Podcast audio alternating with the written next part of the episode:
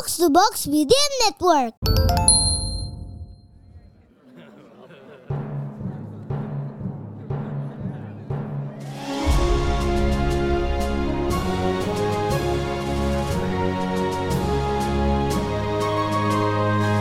Perhatian, perhatian. Dongeng Paman Geri akan segera dimulai.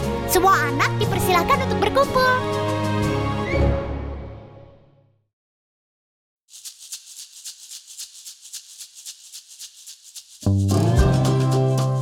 Halo, halo, halo adik-adik teman ceritaku. Senang sekali sekarang Paman Geri menyapa kembali di podcast Dongeng Paman Geri kali ini. Dan akan mengajak adik-adik untuk pergi ke dunia dongeng sambil ketemu dengan teman-teman baru kita. Dan sebelum Paman Giri cerita, Paman Giri mau kasih tahu dulu ya. Jadi tadi pagi, oh Paman Giri itu sempat terbangun karena dengar ada suara anak-anak kucing. Tapi nggak ketemu ada di mana. lah, gara-gara itu, jadi sekarang Paman Giri mau cerita tentang anak-anak kucing. Tiga kucing kecil di jalanan.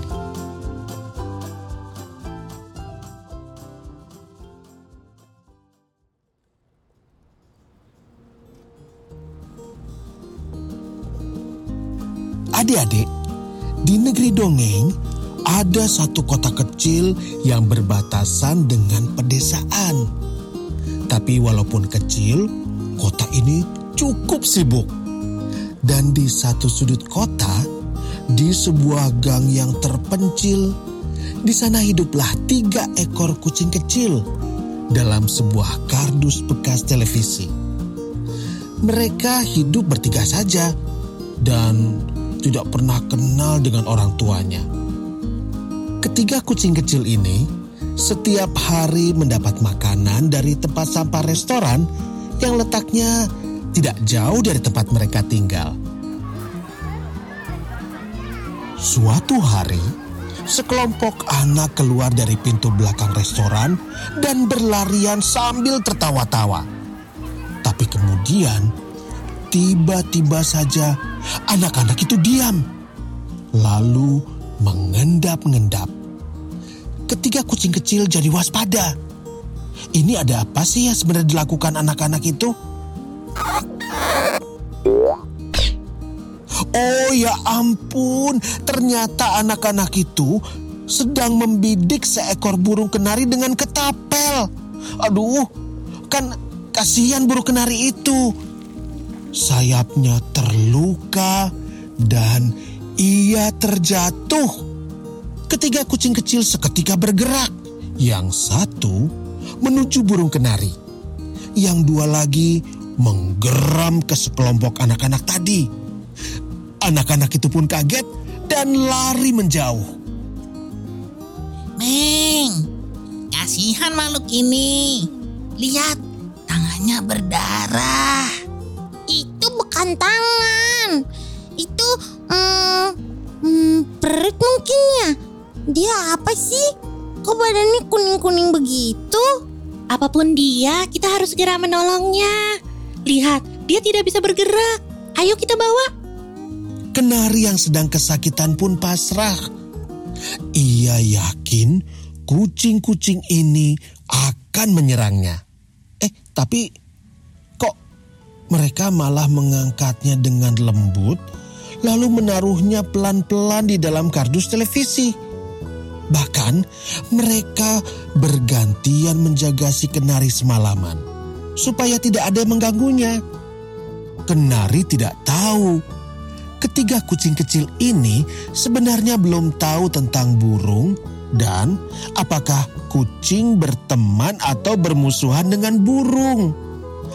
Kucing-kucing kecil ini tidak tahu banyak hal karena tidak ada yang mengajarkannya. Kasihan juga ya. Setelah semalam beristirahat, esok paginya kenari sudah merasa lebih baik tapi tetap sayapnya belum bisa digerakkan. Ia sebenarnya heran melihat ketiga kucing menatapnya dengan wajah cemas. Hei, hewan kecil yang kuning. Kau baik-baik saja? Apakah kau lapar? Aku bisa mencarikan makanan untukmu. Apakah badanmu masih sakit? Hmm, apa yang bisa kami lakukan untukmu? Eh, hmm, terima kasih. Terima kasih kalian telah merawatku. Tapi sepertinya aku belum bisa bergerak. Jadi, Jadi kau harus tinggal dulu di sini. Tak apa-apa kok. Kami akan menjagamu. Eh, tapi eh, kau itu sebenarnya makhluk apa sih? aku. Oh, aku adalah burung kenari. Seharusnya aku bisa terbang, tapi sayapku luka. Burung terbang. Sayap. Apa itu? Burung kenari yang baik, kau tampaknya bijaksana. Apa kau mau mengajarkan kami tentang banyak hal? Kami belum pernah ke mana-mana. Maka kenari pun kemudian menceritakan banyak hal kepada tiga kucing kecil yang lucu itu. Lama-lama, mereka menjadi akrab dan saling menyayangi. Sampai pada suatu hari, kenari sudah cukup kuat untuk melompat keluar dari kardus televisi. Kau sedang apa kenari? Aku mencari cacing. Tadi sepertinya kulihat ada cacing di sini. Tapi, ah, sudah hilang. Mencari cacing. Untuk apa? Ya, untuk kumakan. Begini, aku sangat menghargai makanan sisa restoran yang kalian beri padaku. Tapi, aku sudah lama sekali tak makan cacing. Boleh kan? Ya, tidak apa-apa sih. Tapi, kenapa kau memakan hewan lain? Oh, ternyata karena selama ini para kucing selalu mendapat makanan sisa dari restoran. Mereka tidak pernah berburu. Akhirnya kenari menceritakan bahwa ada hewan yang berteman.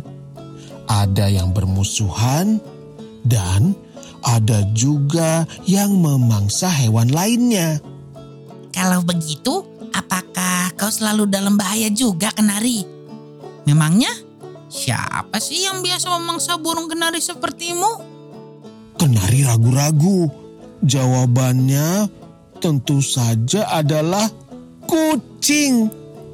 Ia takut para kucing kecil ini akan memusuhinya atau bahkan ah, ah, ah, kenari tidak bisa membayangkannya. Tapi akhirnya ia memberitahukan juga. Apa? Kucing memangsa burung sepertimu? Ah, mana mungkin?